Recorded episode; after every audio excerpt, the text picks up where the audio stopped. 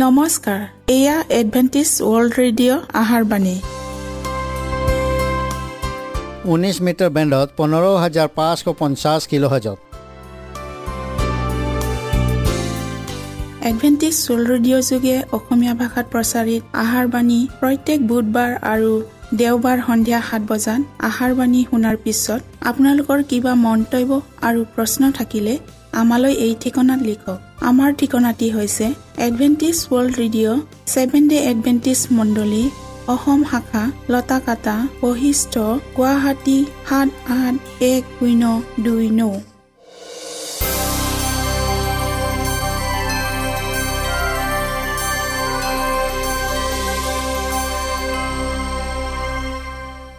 প্ৰিয় শ্ৰোতা বন্ধুসকল এতিয়া শুনো আহক এটি খ্ৰীষ্টীয় ধৰ্মীয় গীত।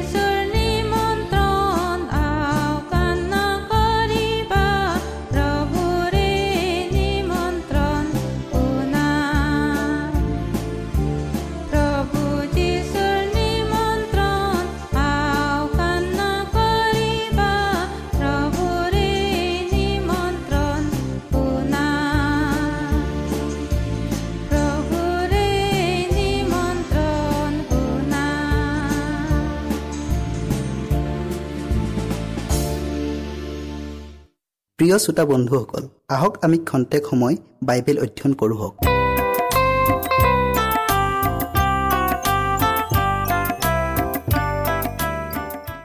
আজিৰ বিষয় হৈছে মোৰ জীৱনত আচৰিত শক্তি। যেতিয়া যীশু স্বৰ্গাৰোহণ কৰিবলৈ উদ্যত হৈছিল তেওঁ তেওঁৰ শিষ্যসকলৰ আগত এক বিনামূলীয়া উপহাৰ দিয়াৰ প্ৰতিজ্ঞা কৰিছিল। তথাপি মই তোমালোকক সত্য কথা কওঁ যে মই যোৱাই তোমালোকৰ হিতহে। কিয়নো মই নগ'লে তোমালোকৰ সেই সহায়কৰ্তা নাহিব। মই গ'লে তোমালোকলৈ তেওঁক পঠাই দিম। কিন্তু সেই সত্যৰ আত্মা যেতিয়া আহিব তেতিয়া তেওঁ আটাই সত্যলৈ তোমালোকক পথ দেখুৱাই নিব। কিয়নো তেওঁ নিজৰ পৰা নক'ব কিন্তু যিহকে শুনিব তাকেই ক'ব। তোমালোকক ভৱিষ্যত কথা জনাব। তেওঁ মোক মহিমামিত কৰিব। কিয়নো মোৰ যি আছে তেওঁ তাৰ পৰা লৈ তোমালোকক জনাব। যেতিয়া যীশু মানৱ শৰীৰ লৈ ইয়াত পৰিচৰ্যা কৰিছিল সেয়া সীমিত আছিল আৰু সকলো ঠাইতে উপস্থিত হ'ব পৰা নাছিল। কিন্তু পবিত্ৰ আত্মাৰ তেনেধৰণৰ কোনো সীমাবদ্ধতা নাই। একে সময়তে অগণন লোকক ব্যক্তিগতভাৱে পৰামৰ্শদাতা আৰু পথ প্ৰদৰ্শক হিচাপে তেওঁ পৰিচৰ্যা কৰিব পাৰে। এই পবিত্ৰ আত্মাৰ যোগেদি খ্ৰীষ্টই আমাৰ প্ৰয়োজনীয়তাখিনিক যোগায়। পবিত্ৰ আত্মা নো কোন বাৰু? এক ব্যক্তি পিতৃ ঈশ্বৰ আৰু পুত্ৰ ঈশ্বৰৰ সৈতে তৃত্ব ঈশ্বৰৰ এজন ব্যক্তি বুলি যীশুৱে পবিত্ৰ আত্মাক অভিহিত কৰিছে। তেওঁ শাস্ত্ৰত কৈছে তোমালোক যোৱা আৰু সকলো জাতিকে শিষ্য কৰি পিতৃ পুত্ৰ আৰু পবিত্ৰ আত্মাৰ নামেৰে তেওঁবিলাকক বাপ্তাইজিত কৰা। পবিত্ৰ আত্মাৰ ব্যক্তিগত চৰিত্ৰ কিছুমান আছে। যেনে এটা মন জ্ঞান আমালৈ প্ৰেমৰ অনুভূতি আমি পাপ কৰিলে দুখ পোৱাৰ অনুভূতি আমাক শিকোৱাৰ সামৰ্থতা আৰু আমাক পথ দেখুৱাবলৈ তেওঁ শক্তিৰ ক্ষমতা আছে। বাইবেলে কৈছে আদিতে ঈশ্বৰে আকাশ মণ্ডল আৰু পৃথিৱী সৃষ্টি কৰিলে। আৰু ঈশ্বৰৰ পবিত্ৰ আত্মাই জলসমূহৰ ওপৰত উমাইছিল পবিত্ৰ আত্মাৰ কামবোৰ হ'ল মানৱ হৃদয় সলনি কৰা। নিকডিমৰ সৈতে তেওঁৰ সাক্ষাৎ হওঁতে যীশুৱে মানৱ হৃদয় সলনি কৰাত পবিত্ৰ আত্মাৰ অৰিহণাৰ বিষয়ে ব্যাখ্যা কৰিছিল। মই তোমাক অতি স্বৰূপকৈ কওঁ জল আৰু আত্মাৰ পৰা জন্ম নাপালে কোনেও ঈশ্বৰৰ ৰাজ্যত সোমাব নোৱাৰে। আত্মাত জন্ম পোৱাৰ অৰ্থ হৈছে পবিত্ৰ আত্মাই আমাক এক নতুন আৰম্ভণি প্ৰদান কৰা। আমাৰ চৰিত্ৰ আচাৰ ব্যৱহাৰ পৰিৱৰ্তন কৰা বিষয়টোতকৈও ই অধিক অৰ্থপূৰ্ণ। পবিত্ৰ আত্মাই আমাক ভিতৰৰ পৰা বাহিৰলৈ আমাক পৰিৱৰ্তন কৰি পেলায়। আৰু তেওঁ কৈছে মই তোমাক এটা নতুন হৃদয় দিম। এই প্ৰতিজ্ঞাক সিদ্ধ কৰে। ভুল কৰিলে বেয়া কাৰ্য কৰিলে আমাক সতৰ্ক কৰে আৰু পবিত্ৰতালৈ এক অভিলাষ আনি দিয়ে। তেওঁ আহি পাপৰ বিষয়ে ধাৰ্মিকতাৰ বিষয়ে আৰু সুদবিচাৰৰ বিষয়ে জগতক দুখৰ প্ৰমাণ দিব। আমাৰ খ্ৰীষ্টিয়ান জীৱনটোক পথ দেখুৱায় আৰু তোমালোকে সোঁফালে কি বাওঁফালে ঘূৰিবৰ সময়ত তোমালোকৰ কাণে পাছৰ পৰা এই বাক্য শুনিবলৈ পাব এইয়ে পথ এইয়েদি চলা উপগ্ৰহৰ প্ৰেৰণৰ দ্বাৰাই দূৰ দূৰণিৰ দেশসমূহৰ পৰা নানা ধৰণৰ চিত্ৰ আৰু মানুহৰ ছবি আমাৰ দূৰদৰ্শনে আমাৰ শুৱনি কোঠালৈকে আনি দিয়ে। পবিত্ৰ আত্মাৰ কাৰ্যয়ো কিছু পৰিমাণে ঈশ্বৰৰ উপগ্ৰহৰ দৰেই একেই। ই খ্ৰীষ্টীয়ৰ উপস্থিতিক স্বৰ্গৰ পৰা পৃথিৱীলৈ আনে আৰু যেতিয়া আমি তেওঁক বিচাৰোঁ ই তেওঁক আমাৰ ওচৰলৈ আনি দিয়ে। আমাৰ প্ৰাৰ্থনা পূৰ্ণ জীৱনত তেওঁ সহায় আগবঢ়ায়। এইদৰে আত্মায়ো আমাৰ দুৰ্বলতাত উপকাৰ কৰে। কাৰণ উচিত মতে কি প্ৰাৰ্থনা কৰিব লাগে তাক আমি নাজানো। কিন্তু আত্মাই নিজেই আমাৰ অৰ্থে অনিৰ্বচনীয় কেকনিৰে নিবেদন কৰে। আৰু আত্মাৰ ভাৱ কি তাক অন্তৰ্জামী ঈশ্বৰে জানে। কাৰণ ঈশ্বৰৰ ইচ্ছাৰ দৰে তেওঁ পবিত্ৰ লোকৰ কাৰণে নিবেদন কৰে। খ্ৰীষ্টীয় গুণ আৰু চৰিত্ৰসমূহক পৰিৱৰ্ধিত কৰে। পবিত্ৰ আত্মাৰ ফলবোৰ আমাক প্ৰকাশিত কৰাৰ দ্বাৰাই আমি এইটো দেখুৱাওঁ যে প্ৰকৃত দ্ৰাক্ষালতা যীশুখ্ৰীষ্টীয়ত আমি লাগি আছো। আচলতে পবিত্ৰ আত্মাৰ শক্তিৰ যোগেদিহে খ্ৰীষ্টই উপচি পৰা জীৱনৰ সৈতে আমাক নিবাস কৰিব পাৰে।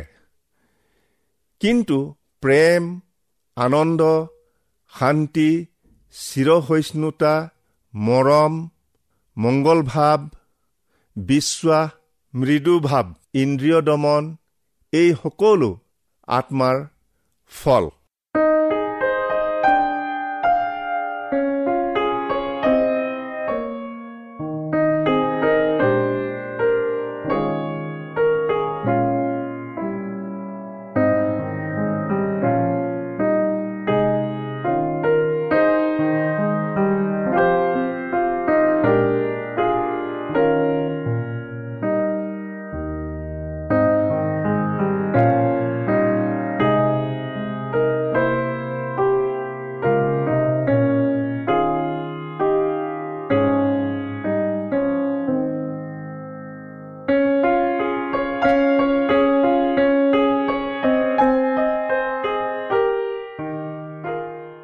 পবিত্ৰ আত্মাই সাক্ষী হিচাপে আমাক প্ৰস্তুত কৰে।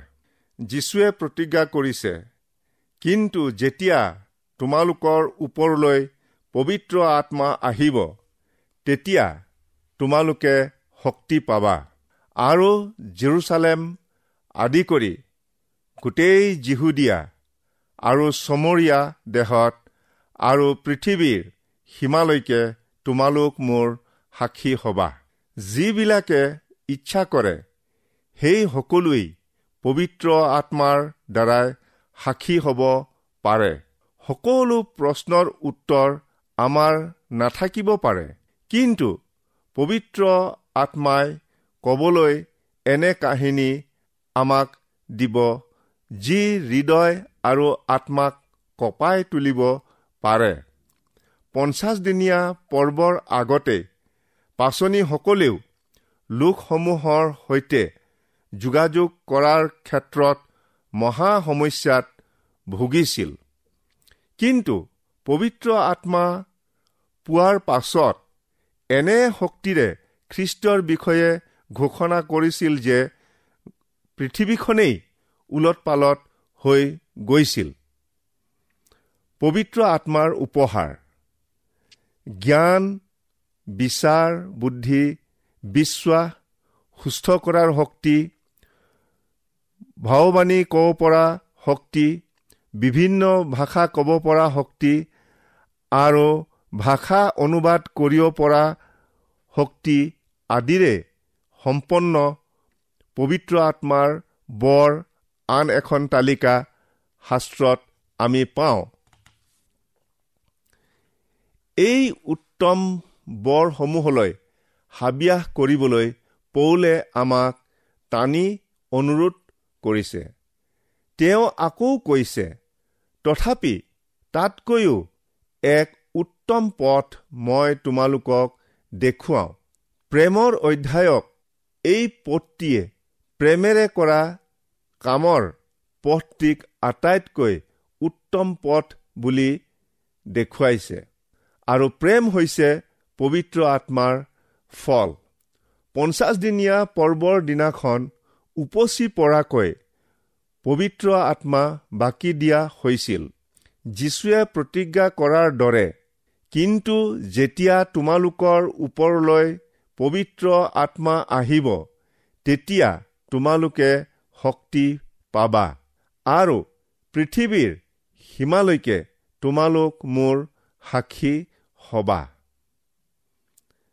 বাইবেল ভাওবাণীয়ে এনে এটা দিন আহি থকাৰ কথা কৈছিল যে ঈশ্বৰে মণ্ডলীৰ ওপৰত বৰষুণৰ নিচিনাকৈ পবিত্ৰ আত্মা বাকী দিব আৰু মণ্ডলীৰ প্ৰত্যেকজন বিশ্বাসীয়ে সাক্ষ্য দিবলৈ শক্তিমন্ত হ'ব।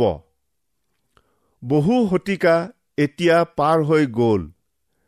আৰু পৰিত্ৰাণৰ সুবাৰ্তা পৃথিৱীৰ এক বৃহৎ অঞ্চললৈকে বিয়পি গ'ল। এতিয়া পকা শস্য কাটি ইয়াক মৰণা মাৰি ভঁৰালত সুমাই ৰখাৰ শেহতীয়া বৰষুণৰ সময় হ'ল। যি আগতীয়া বৰষুণে মণ্ডলীক শেহতীয়া বৰষুণৰ বাবে প্ৰস্তুত কৰিছিল সেই পবিত্ৰ আত্মাৰ সহভাগিতা আপুনি লাভ কৰিছেনে? সুবাৰ্তা শুনি যিসকলে আৰ্তনাদ কৰি কৈছিল ভাইসকল আমি কি কৰিব লাগিব? সেইসকললৈ পঞ্চাছদিনীয়া পৰ্বৰ দিনা পবিত্ৰ আত্মা নামি আহিছিল। তাতে পিতৰে তেওঁলোকক ক'লে তোমালোকৰ পাপমোচনৰ অৰ্থে মন পালতোৱা আৰু যীশুখ্ৰীষ্টীয়ৰ নামেৰে প্ৰতিজন বাপ্তাইজিত হোৱা। তেহে তোমালোকে পবিত্ৰ আত্মা দান পাবা। এই পৃথিৱী ত্যাগ কৰাৰ আগতেই যীশুৱে তেওঁৰ শিষ্যসকলক নিৰ্দেশ দিছিল তোমালোকে জিৰচালেম এৰি নাযাবা। কিন্তু পিতৃৰ যি অংগীকাৰ মোৰ পৰা শুনিলা তালৈকে বাট চাই থাকা। কিয়নো জোহনে হলে পানীতহে বাপ্তাইজিত কৰিলে। কিন্তু অলপ দিনৰ পাছত তোমালোকে পবিত্ৰ আত্মাত বাপ্তাইজিত হবা। যেতিয়া সাধু পৌলে পবিত্ৰ আত্মাৰে পৰিপূৰ্ণ জীৱনৰ বিষয়ে ব্যাখ্যা দি আছিল তেওঁ এই প্ৰাৰ্থনাটো প্ৰতিজন বিশ্বাসীৰ বাবে কৰিছিল। তেওঁ নিজ প্ৰতাপৰূপ ধনৰ দৰে নিজ আত্মাৰ দ্বাৰাই আন্তৰিক পুৰুষৰ সম্বন্ধে তোমালোকক শক্তিৰে শক্তিমন্ত হ'বলৈ দিয়ক আৰু বিশ্বাসৰ দ্বাৰাই তোমালোকৰ হৃদয়ত খ্ৰীষ্টক বাস কৰিবলৈ দিয়ক। যিজনাই আমাৰ অন্তৰত কাৰ্যসাধন কৰোতা শক্তি অনুসাৰে আমাৰ যাচনাৰ আৰু বুদ্ধিৰ অতি অতিৰিক্ত কৰ্ম কৰিব পাৰে।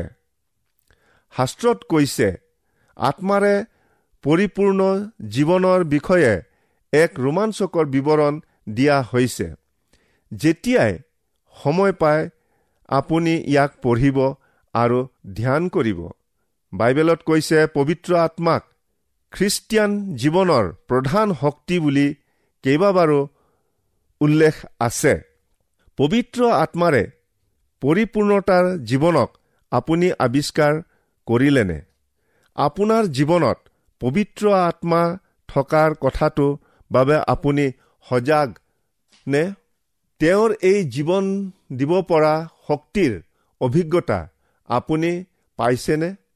বিশ্বৰ সবাতোকৈ শক্তিশালী শক্তিক আপোনাৰ জীৱনত প্ৰৱেশ কৰিবলৈ আপুনি হৃদয় দুৱাৰ মুকলি কৰি দিবনে?